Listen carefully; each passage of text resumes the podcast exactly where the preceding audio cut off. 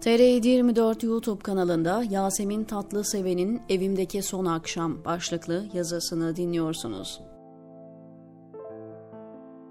Elindeki kumanda yere düşünce sıçrayarak uyandı. Televizyon seyrederken içi geçmiş olmalıydı. Uzanıp kumandayı yerden aldı. Koltuğunda doğruldu. Kanallar arasında kısa bir gezinti yaptıktan sonra seyredecek bir şey olmadığını fark etti mutfağa doğru geçti, televizyonu açık bırakmıştı. Böylelikle evde ses oluyor, yalnızlığını unutuyordu. Çay demlemek için ocağa su koydu. Elini çay kutusuna attı, bitmiş olduğunu gördü. Sallama çayı vardı ama demleme çayın yerini asla tutmuyordu. İstemeye istemeye markete gitmeye karar verdi. Üzerine bir hırka geçirdi, sokak terliklerini giyip evden çıktı. Aslında şu anda istediği tek şey bakkala diye çıkıp kaybolmaktı.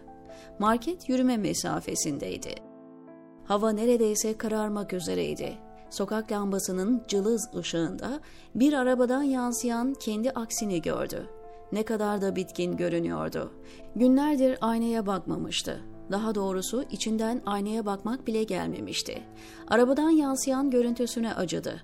Sokağın ortasında avazı çıktığı kadar bağırıp ağlamak istiyordu.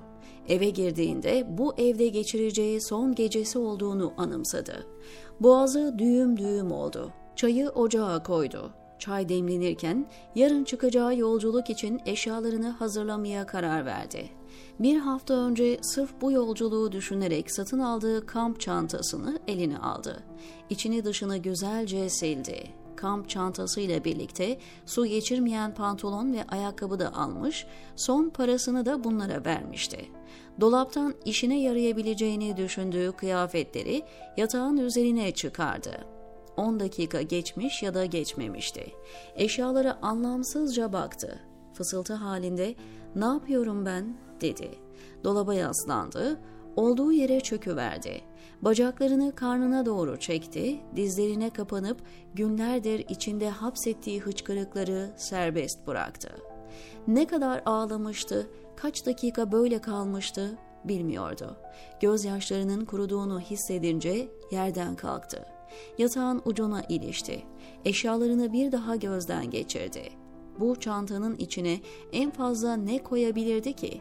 Annesini alabilir miydi yanına? Ya babasını? Bu evi sığdırabilir miydi mesela bu çantaya?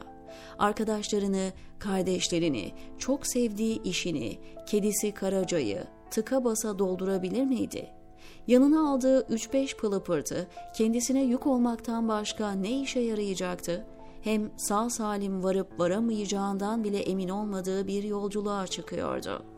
Belki aldığı eşyaların hiçbirini kullanmak bile kısmet olmayacaktı. Kamp çantasını katlayıp, bükleyip dolaba koydu. Ufak bir sırt çantası çıkardı, içine iki kat kıyafet koydu. Babasının geçtiğimiz yıl hediye ettiği anahtarlığı çantasının fermuarına astı. Bu ufak ve anlamlı hediye adeta ona güç verdi. Yolculuğu boyunca da sıkı sıkı sarılıp kendini iyi hissedeceği tek şey bu ufacık anahtarlık olacaktı. Eliyle sırt çantasını tarttı, çok hafifti. Tam istediği gibi olmuştu. Bütün sevdiklerini ve yaşanmışlıklarını geride bırakırken zaten çantanın pek bir önemi kalmıyordu. Hem yolda olası bir aksilik yaşanması durumunda çantayı fırlatıp atar, insanlara yardımcı olmaya çalışırdı. Çay demlenmişti. Bu gece oldukça uzun olacağı benziyordu. Türlü türlü endişeler beyninin içinde cirit atarken uyuması imkansızdı. İyi ki az önce televizyonun karşısında biraz kestirmişti. Nereden bilebilirdi ki önümüzdeki bir hafta boyunca uyuduğu tek uyku o şekerleme olacaktı. Çayını eline alıp balkona geçti. Havalar artık gece olunca serinlemeye başlamıştı. Ağustos bitmişti, bugün Eylül'ün ilk günüydü. Annesi her zaman Ağustos'un yarısı yaz, yarısı kış derdi. Karanlık gecede gökyüzüne doğru baktı, yıldızlar parlıyordu. Ay, dolunay şeklindeydi. Dönüp sokağa baktı. Evinin tam karşısındaki gece kondu yıkılmış, yerine büyük bir inşaat başlamıştı bitişini göremeyecekti. Köşedeki Ayşe teyzenin oğlu birkaç aya askerden dönerdi. Salih amca emekli olmuş ve Ege'ye gideceğim diye tutturmuştu. Birlikte internetten sahil kasabalarındaki satılı köy evi ilanlarına bakıyorlardı.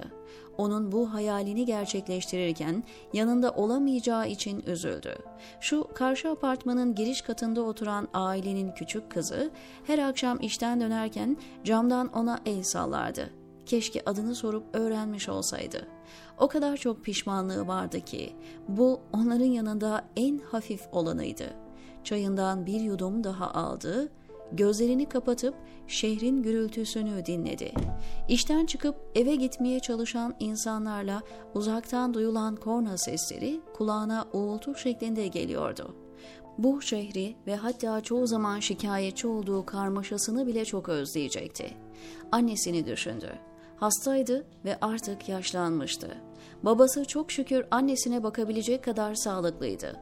İki yıl önce hayatı bir anda alt üst olmuş ve baba ocağına tek başına geri dönmek zorunda kalmıştı. Eşi ve çocukları başka bir ülkedeydiler ve bir an önce onların yanına gitmeliydi.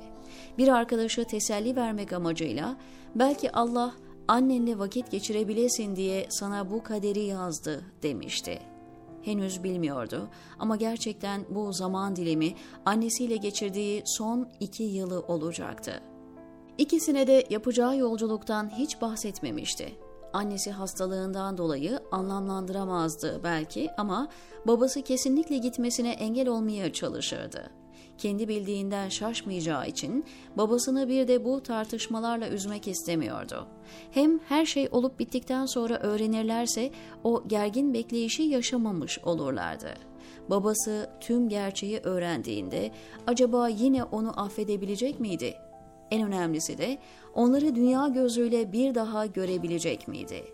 Ömürlerinin son demlerinde elinde olmadan yaşattığı üzüntüler için onlara karşı içinde büyük bir suçluluk duygusu hissetti. Zaman hem bir an önce geçsin istiyordu hem de geçmesin. Ne olacaksa bir an önce olmalıydı. Yüreği göğüs kafesinin içine hapsolmuş bir kuş gibi çırpınıyordu. Öte yandan sevdiklerinden ayrılmak öyle zoruna gidiyordu ki birkaç dakika daha kalabilmek için adeta zaman dursun istiyordu. Bu düşünceler içinde bardaklar dolusu çay içti. Sabah ezanı okunmaya başladı. Abdest alıp namazını kıldı. Ellerini açıp Rabbine sığındı. Allah'ım kendimi sana emanet ediyorum deyip duasını sonlandırdı. Saatine baktı, parasını ve resmi evraklarını koyduğu bel çantasını taktı. Ayakkabılarını giyip sırt çantasını omzuna vurdu. Kapıyı kilitlerken evine son bir göz gezdirdi. Ne çok anısı vardı.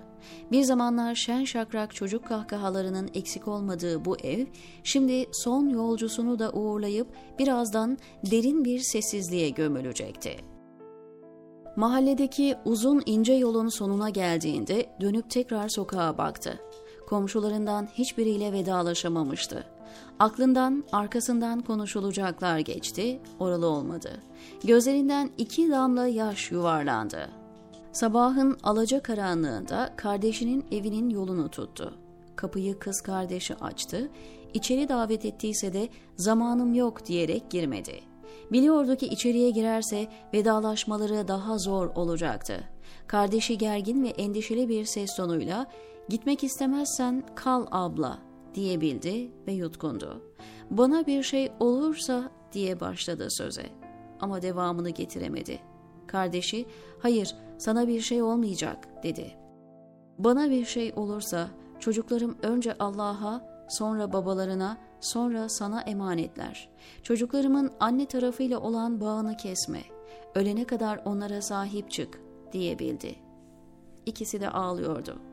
sarılıp helalleştiler. Birkaç metre uzaklaşmıştı ki geri döndü ve tekrar sıkıca sarıldılar. Gözlerinden süzülen yaşları silerken durağa doğru yürüyordu. Gelen ilk dolmuşa bindi. Şoför dikiz aynasından sürekli ağlayan bu genç kadına göz ucuyla bakıyor, içinden kim bilir ne derdi var diye geçiriyordu. Birkaç aktarmayla hedefine ulaştı ufak bir arabanın içinde kendisi gibi birkaç kişi daha gördü. Bu araç kendilerini Yunanistan'a geçirecek olan kaçakçının arabasıydı. Meçhule giden bu yolcuların gözlerinde derin bir hüzün vardı.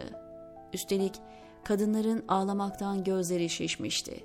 Erkekler onları teselli etmeye çalışsalar da ilk bakışta yüzlerinden endişeli oldukları okunuyordu. Ortak bir kaderi paylaşan bu insanların hepsinin dudakları kıpır kıpırdı.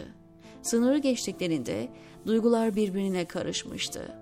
Kazasız belasız geçtikleri için mutluydular.